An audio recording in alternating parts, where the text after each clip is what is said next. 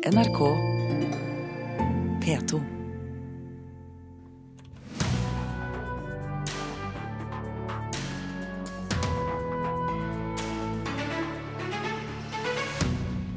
Selfiedroner som flyr etter deg for å ta bilder, blir det neste store, tror professor i digital kultur. Plyndrede kulturminner fra Syria er i noen tilfeller med å finansiere menneskers flukt. Jan Kjærstad har skrevet sin beste roman siden trilogien om Jonas Wergeland, mener vår kritiker Marta Norheim. Og ringte president Putin sir Elton eller ikke? Dette er saker i Kulturnytt her i Nyhetsmorgen i NRK.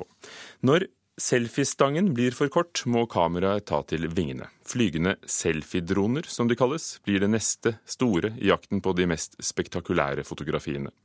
Det tror ikke bare produsentene selv, men også professor i digital kultur Jill Walker Rettberg. Det neste er helt klart selfie-dronen. Et flygende kamera som kan ta bilde av deg hvor som helst. Imagine a camera that goes past your arm's reach. Lekre promoteringsvideoer på nett bærer bud om det professor i digital kultur Jill Walker Rettberg ved Universitetet i Bergen tror kan bli den neste selfie-trenden. Og det ser bare helt nydelig ut. En sånn har vel alle lyst på.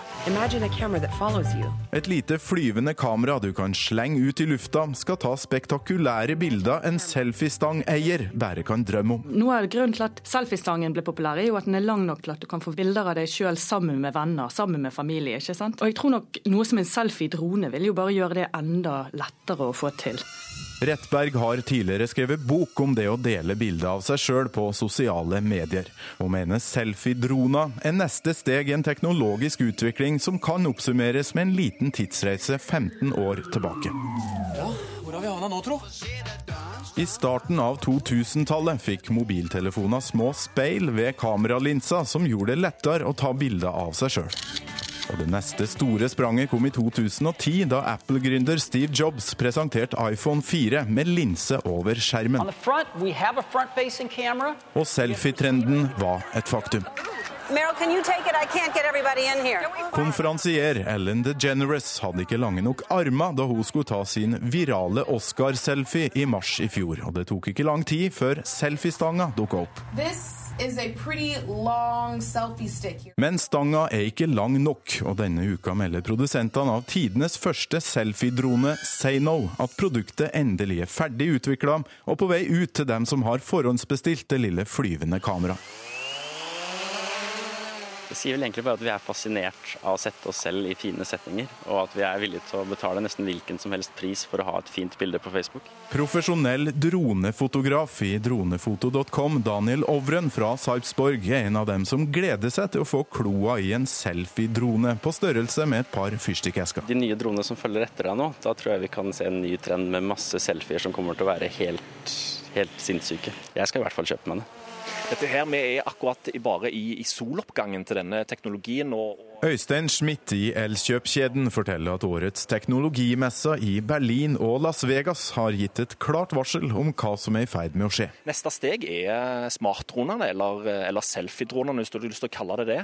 Der du har absolutt mulighet til å kunne skaffe deg de mest spektakulære bildene fra ferieturen din. Set your camera free. Slipp kamera fri, blir det sagt i reklamen for den kommende drona Nixie. Og årsaken til at dingsen kommer til å bli populær, ligger i menneskets natur, tror professor Jill Walker Rettberg. Det er en ganske naturlig menneskelig prosess, tror jeg. Det der å prøve å skape seg sjøl. Hvem vil man være lik? Hvordan kan jeg se ut? Og selfien er faktisk veldig, en veldig kommuniserende billedtype. Du strekker armen ut, du, du inkluderer den som ser på bildet på en annen måte. En vesentlig form for hvordan vi knytter sosiale bånd i dag. Imagine a camera that sets you free. Reporter var Tørkel Thorsvik. Eirik Solheim, teknologirådgiver her i NRK. Tror du selfiedroner blir eh, et stort fenomen? Eh, droner har jo på en måte blitt et stort fenomen allerede, så eh, de da enda mer smarte og enda mer avanserte dronene kommer sikkert til å bli en populær greie. Men foreløpig så er ikke teknologien helt der. Det er litt mye styr, og de fungerer ikke så optimalt som i reklamefilmene, de som jeg har sett. Derfor. For i reklamefilmene så, så, er det små dingser som nærmest får plass i et lite etui i en litt stor lomme i en anorakk, og så sender du den opp når du skal hoppe utfor et stup eller lignende. Ja, og, og, du finner et eller annet sted hvor du tenker at uh, her skal jeg hoppe på ski, og så kan du liksom bare henge den i luften akkurat ved hoppet, og så tar den et perfekt bilde akkurat når du hopper forbi. Og der er det ikke helt ennå. Så foreløpig så ser det bedre ut i reklamefilmen enn eh, det kommer til å være med de første som får disse selfie-dronene. Du var jo Erik Solheim nylig på teknologimessen i Berlin. Hvor langt er det kommet, da? Det har kommet langt. Og, eh, og for meg som følger med på teknologiutvikling og har gjort det i årevis, så må jeg si at en av de teknologiene som har imponert meg mest i løpet av de tre-fire siste årene, er droner generelt. Fra sånn to pinner i kors og noen motorer og noe slarkete greier som vi satte sammen for fem år siden, til de helt fantastisk flotte dronene som du får kjøpt nå, som kan filme sånn at det ser ut som kamera omtrent står på stativ oppe i luften. Men eh, foreløpig så er det litt igjen før de er helt automatiske, og før du kan ta de ut av anorakklommen og kaste de opp i luften, og så henger de dønn i ro helt av seg selv. De fleste av de som ble vist på IFA nå, må du fremdeles styre selv. Nå har vi snakket om hvordan det er å ta bilder av seg selv. Problemet oppstår jo ofte når man bruker dem til å ta bilder av andre. Det har vært flere tilfeller hvor eh, folk har følt seg krenket. Personvernet eh, er blitt brutt. Men hva, er, hva sier reglene? Eh, foreløpig så er det det, der er nye regler under utarbeidelse, og um, det er i gråsonen i hvert fall å, å, drive og filme med droner som flyr helt av seg selv. Eh, ifølge det som finnes av regelverk nå, så skal du ha en fjernkontroll på bakken hvor du kan styre den og du skal kunne se den. Så det å ha såkalte autonome droner som gjerne flyr ut av ditt synsfelt òg, det er ikke tillatt sånn som det er i dag. Eh, sånn, at, eh, sånn som det er i dag, så er det basert litt på regelverket om fjernstyrte fly og fjernstyrte helikopter hvor du står på bakken med fjernkontroll. Men det er sikkerheten. Hva med det å ta bilder over hekken til naboens hage? Ja, Det er også en, eh, kan bli en utfordring. Nå er det en utfordring som jeg tror er, er litt oppskrytt, holdt jeg på å si. Vi, eh, mobiltelefonen som du sitter med på trikken, eh, som du ikke aner om den som sitter overfor deg filmer med eller ikke, og den kraftige telelinsen som en eller annen har som ligger langt unna, syns jeg er egentlig en større utfordring enn droner. Og, og jeg har sett sammenligninger, sånn at eh, det, det, er faktisk verre med den gode gamle paparazzien med telelinse enn en drone, men det er mye mer skremmende med en drone, fordi at du ser ikke personen. Du hører noe som surrer, og de flyter i luften nesten litt sånn skremmende. Ehm, så det kan bli en utfordring, men jeg tror ikke det er det største problemet. Takk, Eirik Solheim.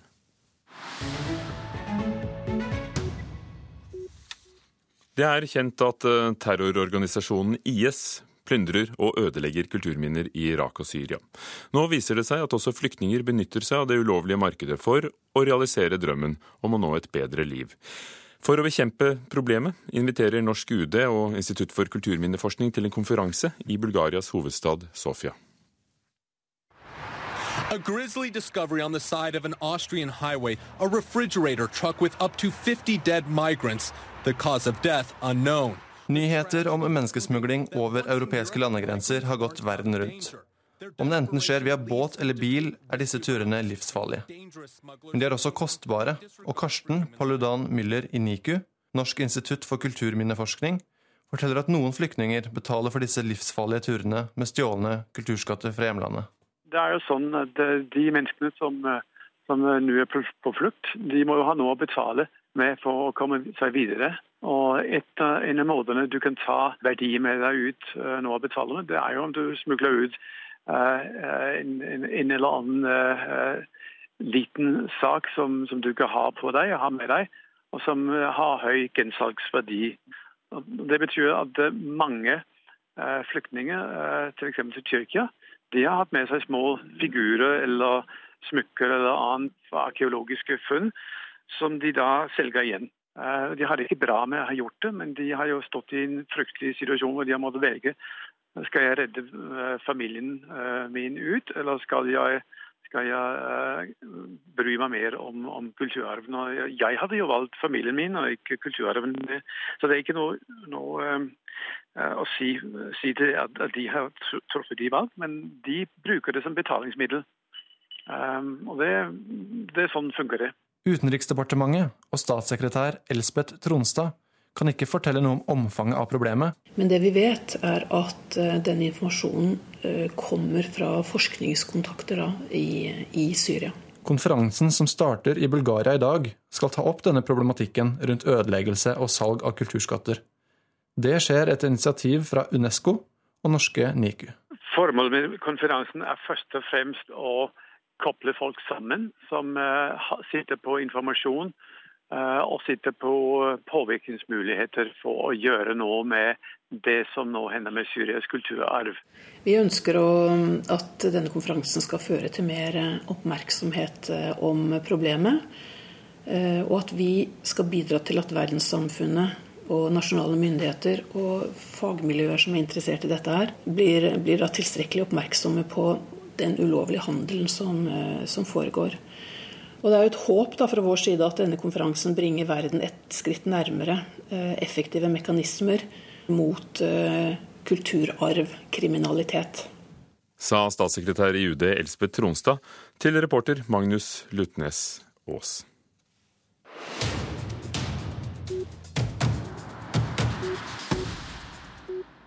En av vår tids mest kjente norske forfattere, Jan Kjærstad, har skrevet ny roman, 'Slekters gang'. Marta Norheim, vår litteraturkritiker. Før du bier deg inn på om det er en god eller dårlig bok, hva den handler om, kan du si noen ord om hva slags bok det er? En stor roman i alle tydninger av ordet. Den er over 600 sider, og den har et veldig eh, perspektiv. Altså, vi er 2000 år fram i tid.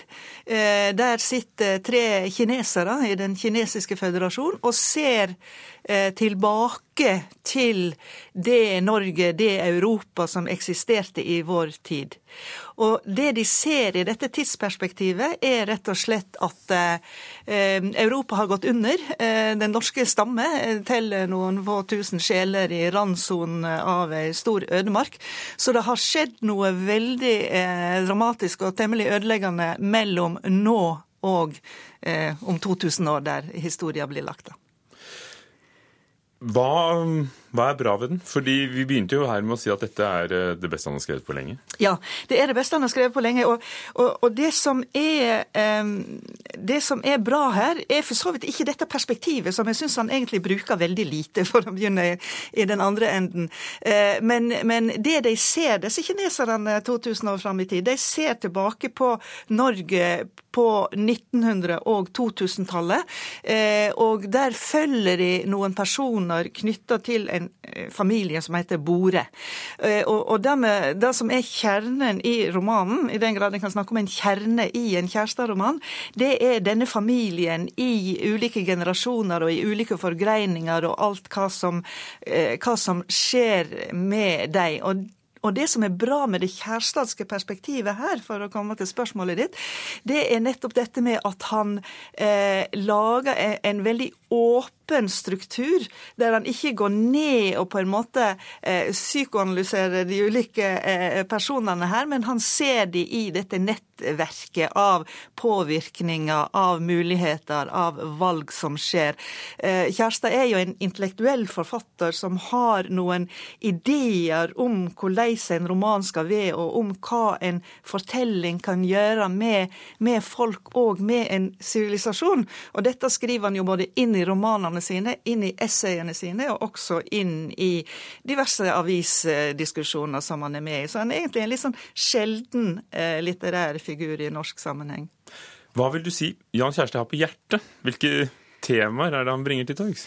Nei, Det er nok det jeg antyder litt. Dette her med at eh, hvis du skal, hvis du skal søke eh, svar på spørsmål hva er et menneske, hva er det menneskelige, så er ikke det sikkert at du skal bare bruke Freud. Det kan godt hende du skal også eh, bruke eh, naturvitenskaper. Du du skal se hvordan eh, verden kan kobles sammen. Og hans yndlingsfigur eh, språklig er jo metaforen. for metaforen metaforen kan koble sammen eh, områder i verden som ikke nødvendigvis lar seg koble sammen. Altså sånn type kvinnerose, ikke sant, som er en sånn klisjé i poesien. Men det at du kan koble sammen ulike livsområder bare gjennom en språklig figur, det er noe som han gjør, ikke som egentlig dekor, men som en måte å prøve å utvide assosiasjonsuniverset på. Jeg skjønner at du syns det er en god bok. Kan du si noen ord til slutt om hva som gjør den interessant? Eh, ja, nei, jeg, jeg syns nettopp dette storslåtte, og som gjør at jeg eh, sammenligner med Wergeland-trilogien, som òg er en veldig stor og rik eh, romantrilogi, eh, det, det, liker jeg veldig godt. Og ikke minst fordi at det stikker seg ut ifra veldig mye annet som blir skrevet i norsk skjønnlitteratur i vår tid. Takk skal du ha, Marta Norheim, om Jan Kjærstads slektersgang. Og etter hvert så kan også din anmeldelse leses, selvfølgelig, på nrk.no bok. Klokken er 18 minutter over åtte. Du hører på Nyhetsmorgen i NRK. Hovedsaker.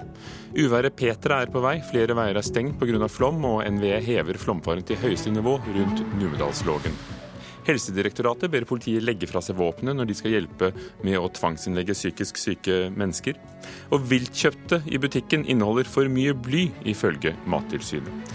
Senere her i Kulturnytt skal vi anmelde en plate der flere av jazzens storheter spiller.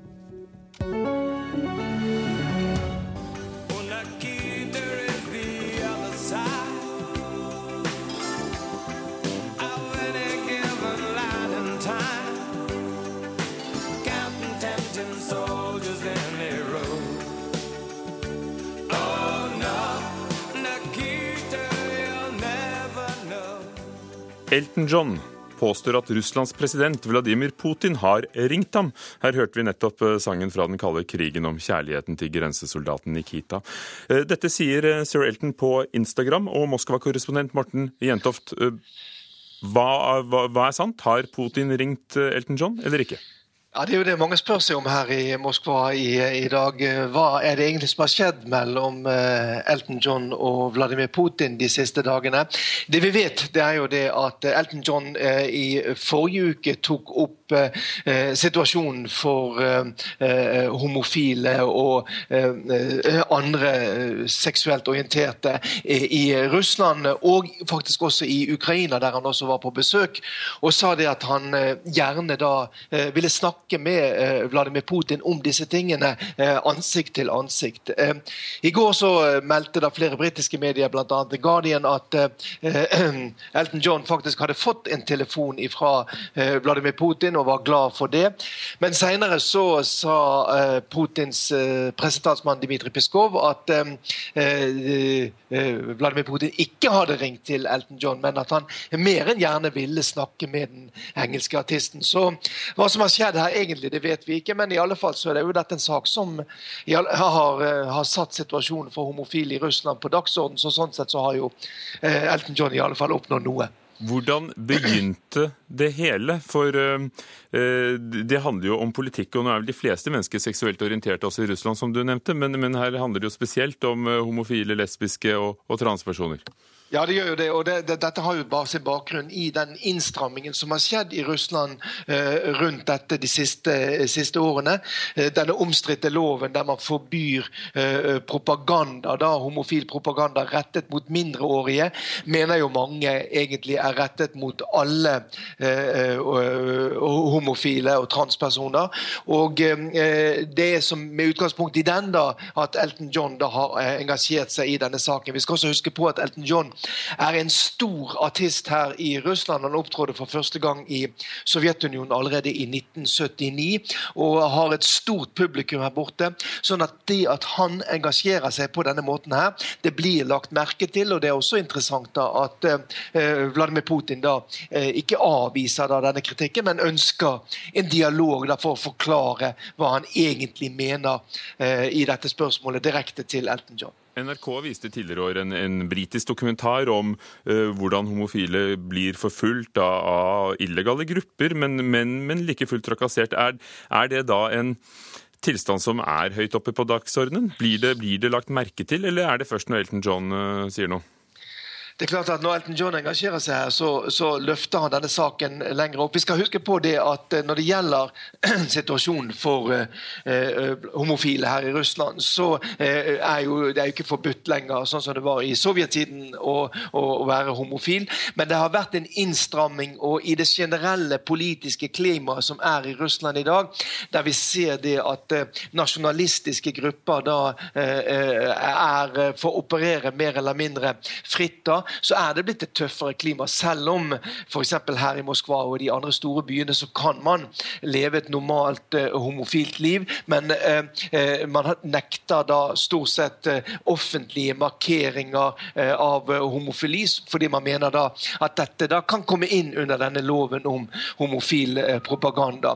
Og Det har jo også vakt oppsikt at, at Vladimir Putin på en måte har stilt seg litt bak denne loven og ikke gått ut offentlig og forsvart homofiles rettigheter. Vi vet jo det at det er men, mange Men Morten, nå ja. vil han jo altså kanskje da ringe til Elton John etter hvert. Uh, ja, og det er jo interessant. Sant? Det som jeg skulle si, er at han, han, det er jo mange uh, høy, kan du si, mennesker høyt oppe i det russiske samfunnet som er åpent homofile.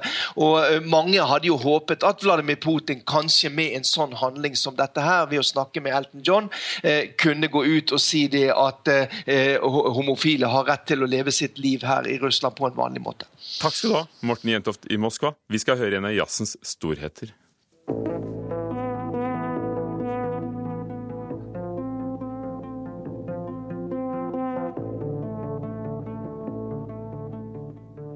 Dette er nemlig lyden av en legendarisk musiker, Eberhard Weber, og hans elektriske kontrabass.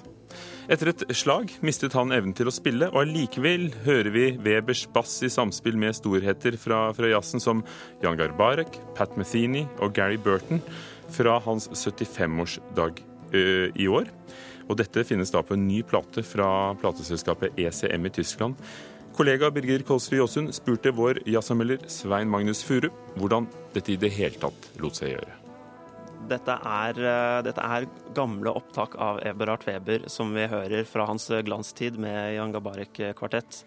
Eh, det vi hører fra nå, det er en stor suite som, eh, som, Pat Metheny, gitaristen, har, har, laget. Den varer omtrent en halvtime, og den sentrerer seg altså rundt ulike eh, lyd- og videoklipp av eh, Eberhard Weber. Vi ser altså Så de har tatt lyden fra han og hans bass, og så, mm -hmm. spilt inn alle de andre instrumentene på nytt? Ja, og dette er jo da fra en, fra en konsert, så dette er gjort live, alt dette her, da. Um, så vi får da både lyden Weber og Weber på video og de andre live? Ja. ja riktig. Det er, det er nettopp det vi får. Så, og det er jo Etter at han fikk slag, så, så sto han ved et veiskille og måtte finne ut hvordan han skulle fortsette å lage musikk. Og dette var da måten han han eh, bestemte seg for å gjøre dette på. Han har eh, gitt ut en plate som heter Resume for eh, tre år siden, som også bruker noe av denne teknikken, men dette her gjøres da altså live. Det som er litt gøy for oss nordmenn, selvfølgelig, er at han gjør et, et slags opptak, eller en duett, med sin gamle venn Jan Garbarek. De har jo spilt mye sammen opp gjennom tidene, selvfølgelig. Dette er noe nytt. Vi kan først, før vi sier noe om det, kan vi høre litt på det.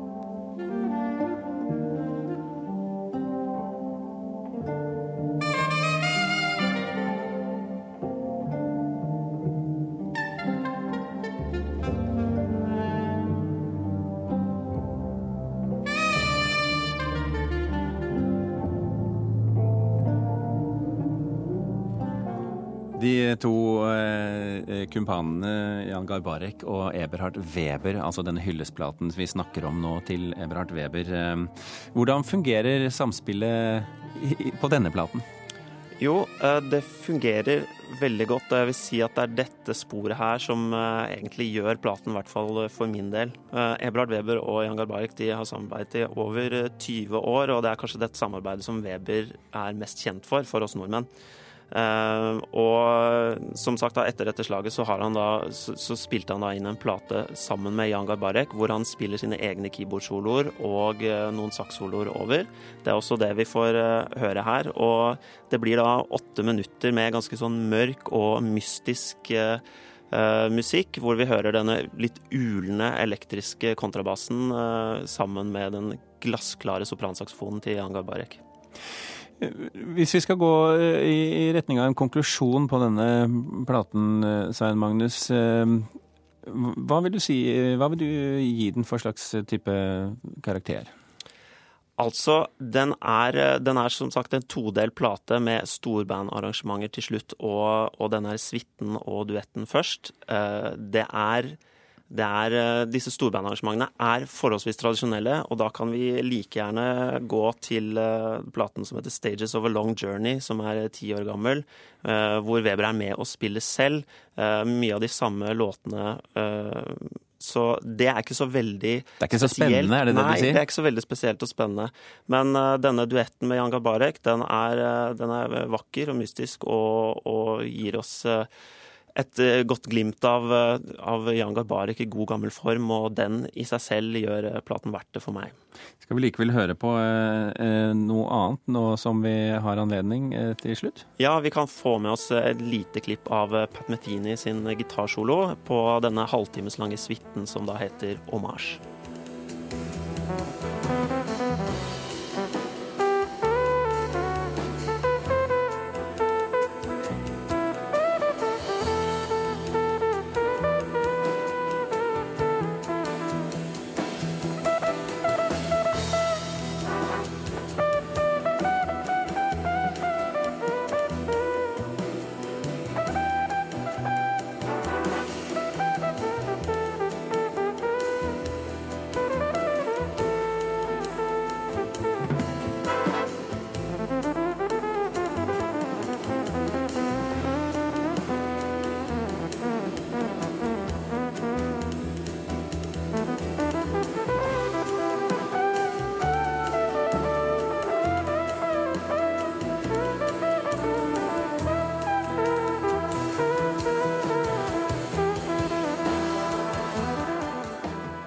Hommage av Eberhard Weber fra ECM slippes på fredag, bare på Apples tjeneste iTunes, eller eh, fysisk, eh, overhodet ikke på strømming. Det var kollega Birger Kåsrud Jåsund som hadde snakket med anmelder Svein Magnus Fyrum. Birger Kåsrud Jåsund var også produsent for denne sendingen. Marianne Myrhol, teknisk ansvarlig. Ugo Fermariello, programleder her i Kulturnytt. Hør flere podkaster på nrk.no podkast.